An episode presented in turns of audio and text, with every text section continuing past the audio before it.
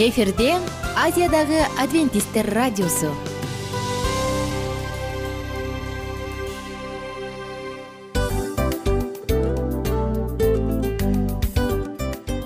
Достор салют.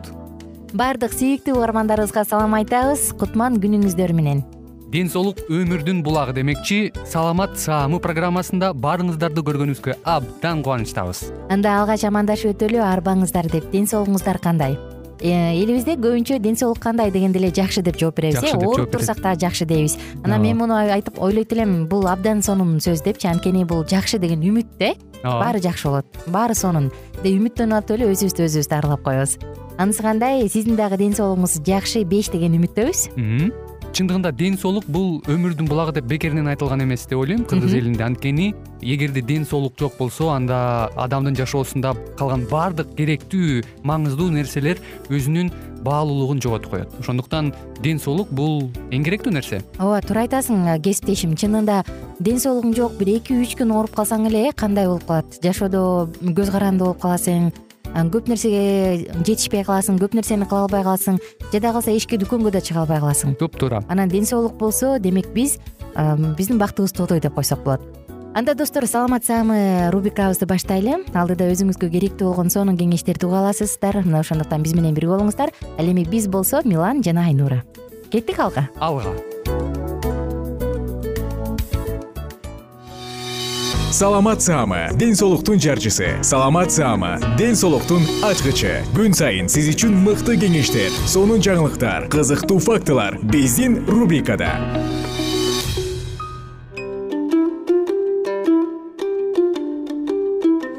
Амансыздарбы кымбаттуу радио угармандарыбыз. Кайрадан эле сиздердин назарыңыздарда ден соолуктун ачкычтары программасында кездешип жатканыбызга абдан кубанычтабыз бүгүнкү берүүбүздүн чыгарылышында дагы өткөн берүүбүздө сөз кылгандай эле аракечтик башкача айтканда алкоголдук ичимдиктер туурасында сөз кылганбыз. Дал ошол э, теманы улай эле бүгүнкү программабызда дагы бул жаатта сүйлөшмөкчүбүз. Бүгүнкү программабыздын темасы эң негизги орчундуусу э, аракечтиктин социалдык абалы деп аталмакчы. Аракечтиктин социалдык абалы э, эмнелерди камтыйт ушуга токтолмокчубуз бул жеке тажрыйбага алкоголь жекече мамиле кылууга ошондой эле социалдык э, каржылыкка жараша болот экен.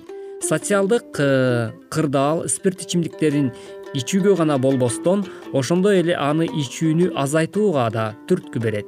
Алкоголду закондуу түрдө жана адептүүлүк менен азайтууга болот. Адам башына кыйынчылык түшкөн мезгилде өзүн кармана билүү мүмкүнчүлүгү төмөн болсо ал ичкиликке тез эле берилип кетиши ыктымал бирок бул топко айрым гана адамдар кирери анык эмеспи. Социалдык абалы төмөн психологиялык жактан жардамга муктаж коомчулук четке кагып койгон. Же болбосо ар кандай кырдаалдарга дуушар болгон адамдар алкоголдук ичимдиктин артынан түшүп кетүүгө дуушар болушат. Коом ичкилик ичкендерге канчалык кайдыгер караса адам коомдун сергек абалына тез көнө албаса аракечтик ошончолук кеңири тарай берет экен натыйжада. Аракечтик көбүнчө социалдык көзөмөлгө баш ийбеген же жалпыга бирдей социалдык нормаларды четке каккан адам кабылат. Бирөөнү туурап ичкилик ичкендер деп аталгандар да бар. Андайларга коом канчалык келишүүчүлүк менен мамиле кылса алар ошончолук көбөйөт. Бирөөнү туура шарттуу гана аталыш. Анын чыныгы себеби адептүүлүк нормаларынан четтеген арзыбаган канааттанууга алууга умтулуу ошондой эле аракечтик адамдын кирт башына жана коомго келтирүүчү кесепеттери жөнүндөгү түшүнүктүн тардыгы болуп саналат чындап эле ушул э, адамдын аракечтикке берилип кетиши э, баягы социалдык абалы жогоруда биз айткандай психологиялык жактан дагы э, бул жаатта жапа чегиши менимче кээде мындай бир ойду туудура берет да кесиптеш. Айрым бир учурларда мүмкүн биз дайыма эле күбө болуп жүрөбүз. Ар кандай той топур маарекелерде болобу же туулган күндөрдө болобу. Шыгылы кыскасы айтор ар бир жакшылыкта сөзсүз түрдө дасторкон үстүнө спирттик ичимдиктер коюлат ошол эле учурда бири бирине каалоо тилек айтышып анан каалоо тилектин э, артында мындай деген сөздөр менен жыйынтыкталат го баягы эми алып ийиңиз э, ден соолукта бололу аман эсен бололу деген сыяктуу сөздөрчү ушуну мен эмнегедир түшүнө албайм да. Анткени бир эле учурда баягы алардын э, психологиясында ойлошот эми биз ушу арак арак менен көңүл ачып атабыз бири бирибизге баягы жакшы каалоо тилектерди айтып моралдык жактан бири бирибизге жардам берип атабыз деген сыяктуу бир өгүттө ушундай бир ден соолук бололу аман бололук. Эми бул жашоо кара жерге кирсин бир келген жашоодо ичип жеп жыргаш керек көңүл ачыш керек деген сыяктуу бир мындайча айтканда бир кыска ой менен кыскалуулук бир ой менен ушундай ой жүгүртүү менен мындай көнүмүш адат катары эле кыла беришет да.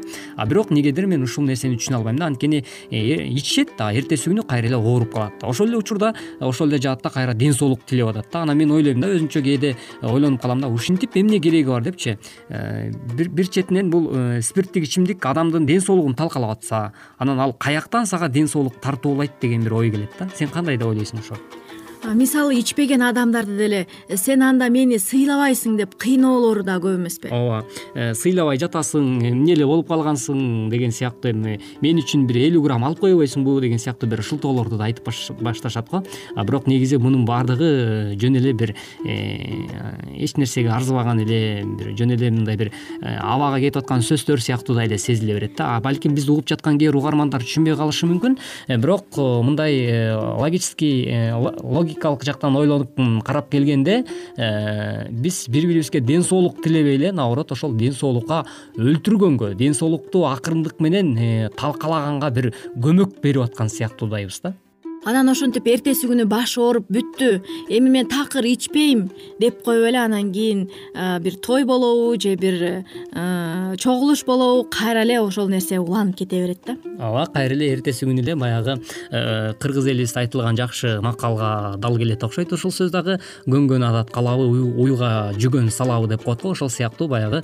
Көнгөн адатты көнүмүш э, жашоо тиричиликте колдонуп эле өзүлөрүнүн ден соолугуна жана саламаттыгына кам көрбөстөн Э, ушул иштерди кылып эле келе жатышат бирок мунун баардыгы э, олуттуу карап келгенде биздин ден соолугубуз канчалык деңгээлде ички адамдын организми ар бир орган жапа чегип атканын биз э, көңүлгө жана этибарга албайбыз. Качан гана ооруп төшөккө жатып калмайынча биз бул ишти кыла берет экенбиз. Бирок мунун баардыгы биздин ден соолугубузга терс таасирин тийгизип жатканын атаганат алдын ала билсек кана деген бир ой жаралат да албетте андан кийин аракечтиктин келип чыгышы тууралуу мисалы ойлонсок аракечтиктин келип чыгышына жана таркалышына үй бүлөнүн ролун изилдеген учурда ата эненин ичкилик ичиши ошондой эле бала кезден туура эмес тарбиялоо ашыкча эркелетүү же тескерисинче кароосуз калтыруу балага ата эненин кайдыгер мамилеси алардын өздөрүнүн жашоосунун жүрүш турушун үй бүлөдөгү чыр чатак жана башка алар түрткү болот экен сөзсүз түрдө үй бүлө үй бүлө бул э, кичинекей мамлекет эмеспи андыктан ушул кичинекей коомду биз э, кандай нукка бурсак э, бурсак ал келечекте дагы ошондой агым менен агат эмеспи анысы карындай жашоодо деген сөзсүз түрдө биз үй бүлөдө балдарга кандай үлгү болуп жатабыз кандай тарбия берип жатабыз буга өтө көңүл бурушубуз керек экен. Себеби эгерде биз үй бүлөдө ата эне өзүбүз ичкиликке жакын болсок ичкиликти көбүрөөк жакшы көргөн болсок анда келечекте сөзсүз түрдө биздин өсүп келе аткан муун же болбосо өсүп келаткан биздин балдарыбыз. Ошол эле э, кызыбыз болобу уул болобу андан кийинки неберелер чөбөрөлөр баардыгы тең э, ошол биз кылган ишти кайра эле кылышы мүмкүн. Дагы бир сөз бар эмеспи. Уядан эмнени көрсө учканда да ошол нерсени кылат деп ооба сөзсүз түрдө э, мунун баардыгы мыйзам ченемдүү жана закондуу көрүнүш. Андыктан урматтуу угармандар э, өзүбүздүн жашообузга сара эсеп салып э, артка бир кылчайып жашообузга дагы кээде өзүбүз баягы анализ жүргүзүп ошол эле учурда кандай иштерди кылып атабыз? Үй бүлөдө үй бүлөлүк шартта балдарга кандай тарбия берип жатабыз?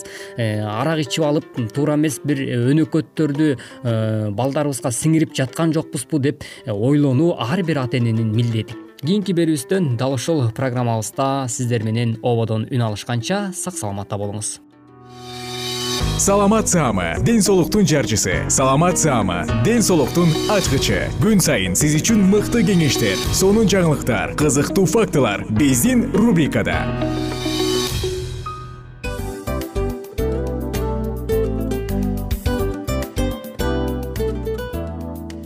Салют замандаштар баарыңыздарга ысык салам дил маек программабызга кош келиңиздер.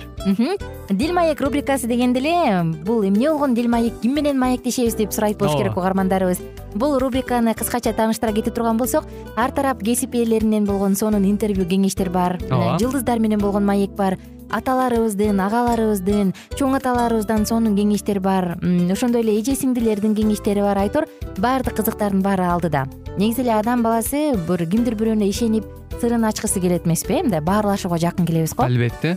Негизи бир жерге отуруп алып кенен шашпай баягы жүрөктөн жүрөккө ачып сырларыбызды ар кандай көйгөйлөрүбүз менен бөлүшүп баягы чын жүрөктөн маек курганды кимибиз сүйбөйбүз э? Ооба десең ал нерсеге суусап да келебиз да. Ооба кээ бирде адамга чындыгында баягы э, ысык маек баягы жылуу маек жетишпейт да ошондуктан биз ушул рубриканы ойлоп тапканыбызда эң биринчи эле достор сиздер менен чын жүрөктөн бир маңыздуу темаларды козгоп кеткени э, кааладык. Ошондуктан ушундай сонун бир рубриканы тартуулап жатабыз. Анын үстүнө радио дагы сонун дос да анткени э, мындай учурда досуңа айтсаң досуң досуна айтат досу досуна айтат да анан бүт өлкө билип калышы мүмкүн го.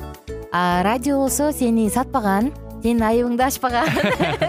Сенин сырыңды эч кимге айтпаган сонун дос мына ошондуктан биздин алдыдагы айта турган кеңештерибизди биздин досторубуздун кеңештерин угуп анан ал жака пикириңизди дагы калтырып кайрадан биз менен байланышсаңыздар болот. Деги эле жашооңузга эгерде кичине болсо дагы өзгөрүү алып моралдык жактан ыалык жактан сонун бир кеңештерди алсаңыз демек биз максатыбызга жеттик. Ооба. Чыңгыз атабыз улуу жазуучу э, чыңгыз айтматов айткандай адам болуу бул күнүмдүк процесс экен. Күн сайын адам бойдон калуу бул адамзатка эң эле кыйын дейт э? э эң кыйын дейт. Чындыгында бунун э, негизинде адамдын эң баягы сапаттуулугу адамдын э, адамгерчилиги жана көптөгөн керектүү нерселер. Мына ошол темалар дагы бизде ушул дил маекте биз аларды да козгойбуз. Ден соолук жөнүндө да сүйлөшөбүз. Сөзсүз түрдө. Анан милан мырза негизи айтып коюшат го биз көбүнчө эмнени ойлонсок ошол нерсеге карата иш кылабыз го. Ооба. Анан анысы кандай? Балким бул радио баракчада кимдир бирөөнүн оюн текшергенге жардам берет кимдир бирөөнүн жүрөгүн текшергенге жардам берет.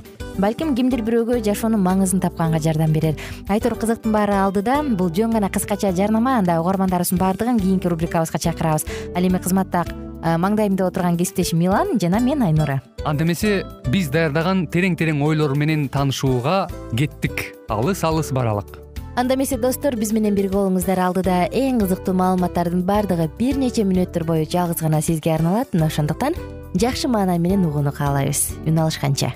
Жөнөдүк.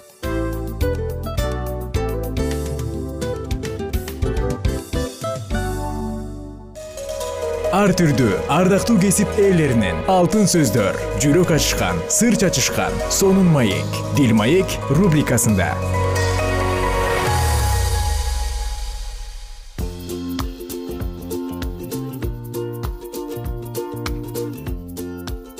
жубайлардын ортосундагы мамиле балдарга кандай таасир тийгизет? Деги эле мамиле таасир тийгизеби? Салам достор. Бүгүн сиздер менен бирге дал ушул сонун кызыктуу теманын үстүнөн сөз кылабыз жубайлардын ортосундагы мамиле балдарга таасир тийгизеби?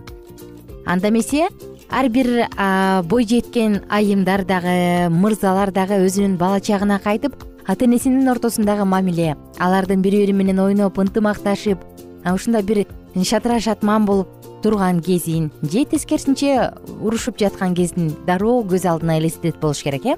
Анысы кандай? Ар бирибизде бала чак болгон ар бирибиздин ата энебиз бар жана болгон же болбосо жана сиздер менен бирге алардын ортосундагы мамиле балдарга кандай таасир тийгизерин канчалык бир деңгээлде айта алабыз. Дил маек уктуруусу кызмат өтөгөн мен аку сиздер менен бирге бул кызыктуу теманы баштайлы психолог адистеринин айтымында ар бир ата эненин жашоо тажрыйбасы ар түрдүү келет. Бирок кандай гана кырдаал болбосун балдар журум турум жана кыял жоруктарды сиздин өзүңүздөн үйрөнүшөт. Ар бир сүйлөгөн сөзүңүз кыймыл аракетиңиз чыгарган чечимдериңизди балдарыңыз сезип сезбей билип билбей өзүнө калыптандырып алат. Ал эми бул ата эне үчүн өтө жоопкерчиликтүү маселе. Анда эмесе алдыны көздөй жөнөдүк. Эң эле биринчиде атасынын апасына болгон мамилеси. Эгер баланын атасы үй бүлөдөгү айымдарга жакшы мамиле жасап ага сый урмат көрсөткөн болсо демек балдар чоңойгондон кийин апаларына деги эле айымдарга дагы дал ошондой мамиле жасайт. Эгерде атасы апасын үйдөгү кыздарды кагып силкип одоно адепсиз сөздөр колдонсо анда сөзсүз түрдө бала дагы аны үйрөнүп алат. Уядан эмнени көрсө учканда ошону кылат эмеспи. Анысы кандай эркек баланы же болбосо жигитиңизди сынагыңыз келсе ата энесинин мамилесин байкап коюңуз. Атасы кандай мамиле кылат? Дал ушул нерсе көп чоң роль ойнойт. Кийинкиси үнөмдүүлүктү билбегендик. Эгер сиздин карызыңыз көп болсо жана акчаны үнөмдөбөй туш келди коротуп максатсыз пайдаланган болсоңуз балаңыз кийин дал ушундай болуп сизди кайталайт. Сиздин жашооңуздагы жоопкерчиликсиздигиңиз каражатты үнөмдөй албай карызга баткандыгыңыз ага эң жаман үлгү болот. Мына ошондуктан эгерде балаңыздын үнөмдүү болушун кааласаңыз анда өзүңүз үнөмдөңүз бул да болсо жашоонун тартиби. Жана достор башка адамдарга болгон мамиле. Эгер сиз башка адамдар менен жеке өзүңүздүн кызыкчылыгыңыздын арты менен гана мамиле куруп баарлашкан болсоңуз жана аны үй бүлөдө ачык эле айтып жүрсөңүз балаңыз кийин дал ошондой тарбия менен чоңоет. Мындан сырткары балакай менен дүкөн кафелерге барган учурда дагы сатуучу официанттар менен сылык сыпаа сүйлөшүңүз. Кандай гана адамдар болбосун баардыгы бирдей укукка ээ жана сыйга татыктуу экенин сездире билиңиз. Мына ошондуктан достор ошондуктан эгерде балаңыздын адамдын статусуна адамдын байлыгына бийлигине карап мамиле кылышын каалабасаңыз анда сиз дагы ошондой мамиле кылыңыз. Кээде үйдө бир нерсени сүйлөшүп башка адам жөнүндө жаман айтып туруп ал келгенде күлүп ии деп башкача таптакыр башка жүздү кийип койсо анда бул сөзсүз түрдө адамга терс таасирин тийгизет. Мына ошондуктан абайлаңыздар. Бул да болсо сиздин тарбияңыз болот. Жана да макамы бийиктиктерге болгон мамиле. Сизге билинбегени менен балаңыз ар бир сүйлөшкөн сөздөрүңүзгө кулак салат. Телефон аркылуу же үйдө отурганда жетекчиңиз тууралуу сын пикирлерди айтсаңыз муну да бала дароо эле эсине түйүп алат.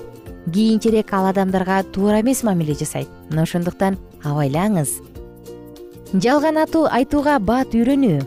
Балакайлар өтө сезимтал келет. Андыктан сиздин жалган айткан сөздөрүңүздүн баарын ал билип алат. Келечекте кийин ал сөзсүз ошол ыкманы колдонот. Ошондуктан калп айтпаңыз этият болуңуз жана дагы бала сизден ала турган тарбиянын дагы бири сиздин эрежелер жана жалкоолук. Алып жүргөн жашоо образыңыз башаламан болсо спирт ичимдиктерин ичип жумуштан кечигип же барбай койгон адаттарыңыз болсо биринчи кезекте аны балаңыз үйрөнүп алат. Андыктан сергек жашоо образын алып жүрүп балаңызга үлгү болуңуз. Жана достор кең пейилдик жана мээримдүүлүк эң эле маанилүү сапат балам чоңойгондо кең пейил болсун мээримдүү ата мээримдүү апа болсун ушундай болсун деп тилектерди көп айтат. Ар бир ата эне эгерде чындыгында балаңыздын мындай болушун кааласаңыз анда өзүңүздү текшеришиңиз керек өзүңүздү текшеришиңиз керек. Күнүмдүк жашооңузда кайрымдуулук кылуу адамдар менен карым катнаш түзүп жакшы мамиледе болуу жок боло турган болсо анда балаңыздын жашоосунда ушундай боштук болот. Андыктан баланы кичинекейинен кайрымдуулук иштерине аралаштырып жакшы пайдалуу иш чараларга катыштырып жүрүңүз. Бул ошол бойдон анын мүнөзүндө калыптанат дагы болочокто сиз ойлогон максатыңызга жете аласыз. Сонун сөздөр бар эмеспи достор? Баланы тарбиялабай өзүңдү өзүңдү тарбияла деп. Кээде карап отуруп жок мен мындай кылбайм мага бул жакпайт дегени менен апаң же атаңдын ошол кылыгын сенден көргөндө о дейсиң дагы ачууң келет э? Анан абдан жаман болосуң көрсө ата эненин жасаган мамилеси ата эненин өз ара мамилеси ата эненин жашоодогу орду кааласаң каалабасаң дагы баланын аң сезимине сиңип кала берет экен ошондуктан достор кааларыбыз сиздерге кандай гана учур болбосун биринчи кезекте өзүңүздү тарбиялаңыз. Ай балам кошуна келатат үйдө жок деп койчу? деп үйдө отуруп алып айтсаңыз бирок балам калп айтпа десеңиз анда экинчи сөздүн эч кандай таасири жок. Биринчи сөз таасирдүү бойдон калат. Эгерде кыйналып жатсаңыз дагы жылмайып жакшы мамиле кылып жылуу сөздөрдү сүйлөп бирок оорчулук учурунда дагы жылмайып баардыгын жеңе турган болсоңуз балаңыз аны сөзсүз жок эле эч кандай кыймыл жок эле сизди туурайт. Мына ошондуктан кааларыбыз ата эне баланын күзгүсү болсун ата эне тартиптүү болсун э балам баланы качан тарбиялай баштадың эле дегенде айтат дейт. Ата ал келинчегимдин курсагында экен деле тарбиялай баштаганбыз депчи. А балам кечигип калган турбайсыңбы? Десе баласынан калып эмнеге ал дагы төрөлө элек болчу да. Десе балам бала баланы балалуу боло элек деле. Тээлгер эле кичинекейиңди деле тарбиялашың керек болчу деп. Анысы кандай? Тарбияны өзүбүздөн баштайлы. Ал эми жалпыбызга кааларыбыз коомубуз салгы өнүксүн? Кайрадан кийинки уктуруулардан амандашканча ар түрдүү ардактуу кесип ээлеринен. Алтын сөздөр жүрөк ачышкан сыр чачышкан сонун маек. Дил маек рубрикасында.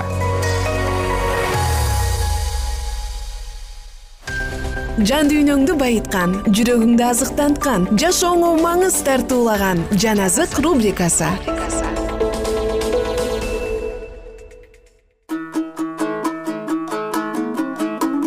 салам угармандар. Жалпыңыздар менен улуу күрөш китебин улантабыз. Кудай өз кызматчылары аркылуу көптөгөн кылымдар аралыгында жиберген эскертүүлөр ар дайым ушул сыяктуу күмөн саноолор жана ишенбестиктер менен кабыл алынган. Качан байыркы дүйнөнүн адилетсиздиктери адамдарды топон суу менен жок кылууга теңирди мажбурлаган болсо дагы алардын оңолуусуна мүмкүнчүлүк бере турган оюн теңир алардан жакшырган эмес.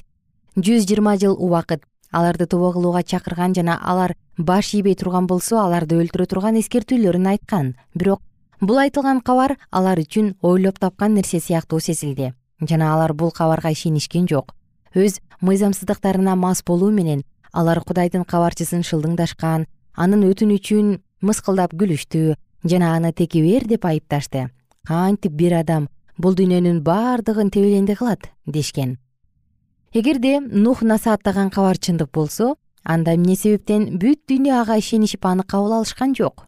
Бир кишинин сөзү миңдеген даанышмандарга эмне болуп калыптыр? Жок алар буга ишене алышпайт. Алар баш калка издеп кемеге барышпайт. Кудайды тааныбаган адамдар жаратылышты көргөзүшкөн. Биринин артынан бири келип жаткан жылдын мезгилдери. Асманды көрсөтүштү. Ал жакта али бир дагы тамчы жаан жааган жок таңкы шүйдүрүү менен жайкалып сугарылып жаткан көк жашыл талааларды көргөзүшүп мындай дешкен. Ал бизге жомок айтып жаткан жокпу алар чындыктын жарчысын акылдан адашып калган фанатик катары кабыл алышкан. Жана баштагыдан дагы жаалдануу менен бузукулукка жана мыйзамсыздыкка берилишкен. Бирок алардын ишенбестиги алдыда боло турган окуяны токтото алмак эмес. Кудай алардын адилетсиздиктерине көптөгөн убакыт чыдады. Алардын тобо келтирип өз өмүрлөрүн сактап калуусун каалады. Бирок анын белгилеп койгон мезгилинде анын ырайымын барк албаган адамдардын үстүнө анын соту келген. Машаяк дагы анын экинчи келишине адамдар ушундай эле ишенбестик көргөзөт деп айткан. Нух пайгамбардын күндөрүндө кандай болсо дейт биздин куткаруучу. Адам уулунун келишинде дагы ошондой болот. Жана топон суу келип алардын баарын жок кылып кеткенче ойлонупкан эмес өздөрүн кудайдын элибиз деп эсептеген адамдар качан бул дүйнө менен аралашып кете турган болсо жана алардын оюн зоокторуна кошулуп алардын жашоосу менен жашаганда качан дүйнөлүк кооздуктар жыйынга кирип кетсе жана адамдар өз тапкандары жана жыргалчылыктары менен көптөгөн жылдар рахаттана турган болгондо ошондо чагылган жарк журк эткен сыяктанып алардын жыргалчылыктарын жана алдоочу үмүттөрүнүн акыры келет. Качандыр бир мезгилдерде кудай жер үстүндө топон суу каптайт деген эскертүү менен өз кулун бул дүйнөгө жиберген. Ошол сыяктуу эле ал өз кабарчыларын кыямат күн жакындады деген кабар менен жиберди. Жана чындыктын жарчысы болгон нухтун замандаштары анын эскертүүчү кабарына күлүшкөн сыяктанып миллердин күнүндө дагы көпчүлүк адамдар жада калса кудай элибиз дегендердин арасындагылар дагы анын эскертүүлөрүнө күлүштү эмне себептен машаяктын экинчи келиши жөнүндөгү кабар жана окутуу жыйындар аркылуу жакшы кабыл алынган жок? Теңирдин келиши мыйзамсыздар үчүн кайгы жана өлүм берсе адилеттүүлөргө кубаныч жана үмүт тартуулайт. Ушул улуу чындыктар баардык кылымдарда кудайдын ишенимдүү уулдары үчүн өтө чоң соротуу болуп келсе бирок эмне себептен ал машаяк сыяктуу анын эли үчүн жазгыруучу таш жана азгыруучу аска болуп калды машаяк өзү өзүнүн шакирттерине мындай деп убада берген. Жана барып силерге жай даярдап бергенден кийин кайта келем.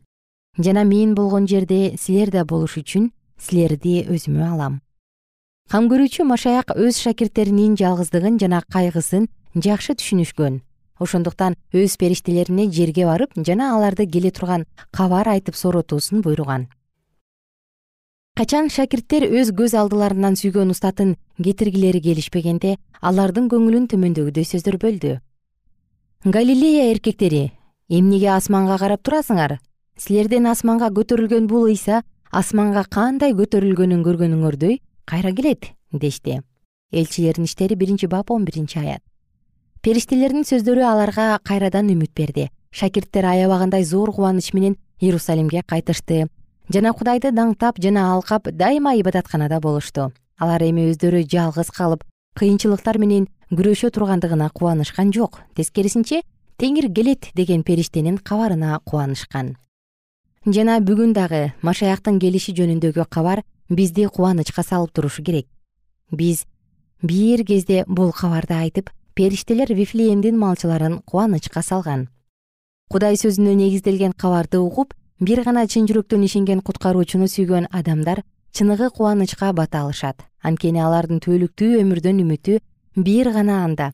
Анткени ал кайрадан басырынып жана жек көрүүнү үчүн эмес бирок ал өз атак даңкына жана күчүндө өз элин куткаруу үчүн келет. Бир гана аны сүйбөгөн адамдар анын келишин каалабайт жана чыныгы кудайдан жыйындардын баш тарткандыктарынын себеби аларга асман аркылуу жиберилген кабарды алардын кабыл албай койгондугундан адвентисттердин окутууларын кабыл алган адамдар кудай алдында тобо келтирип жана момун болуу зарыл экендигин билишти. Көпчүлүк адамдар кудай менен дүйнөнүн ортосунда солкулдап турушту бирок чечүүчү мезгил келгендигин эми алар түшүнүштү. Алардын көз алдында түбөлүктүү нерселер чыныгы экендиги билинди. Асман аларга жакындап жана алар кудай алдында айыптуу экендигин сезишкен. Ишенген адамдар жаңы руханий жашоо үчүн ойгонушту. Алар белгиленген мөөнөт жакындап келе жаткандыгын сезишип жана өздөрү өз жакындары үчүн жоопкерчиликтүү экендигин билишти. Баардык жерге таандык нерселер арткы орунга калтырылды. Алардын алдында түбөлүктүү өмүр ачылгандай болуп жана алар же түбөлүктүү өмүрдү же түбөлүктүү каргышты тандап алуулары керек эле. Алардын үстүнө кудайдын руху конуп алар чын жүрөктөн өз бир туугандарына жана ошондой эле күнөөкөр адамдарга дагы кудайдын келе турган кыямат күнүнө даярданууга чакыруусуна күч берди.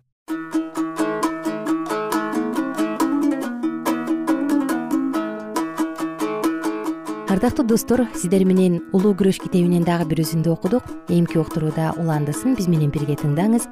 Жалпыңыздарга кааларыбыз көңүлдүү күн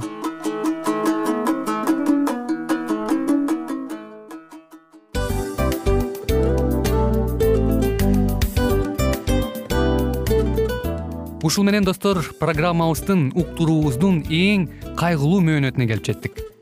Кайгылуу дегенде ыйлагым келип кетти кесиптеш. Кадимкидей. Анткени баягы учурашасың анан коштошуу учур келгенде ии кантип ии эми бат баттан келиптир э сагындырбай деп атып араң коштошобуз го?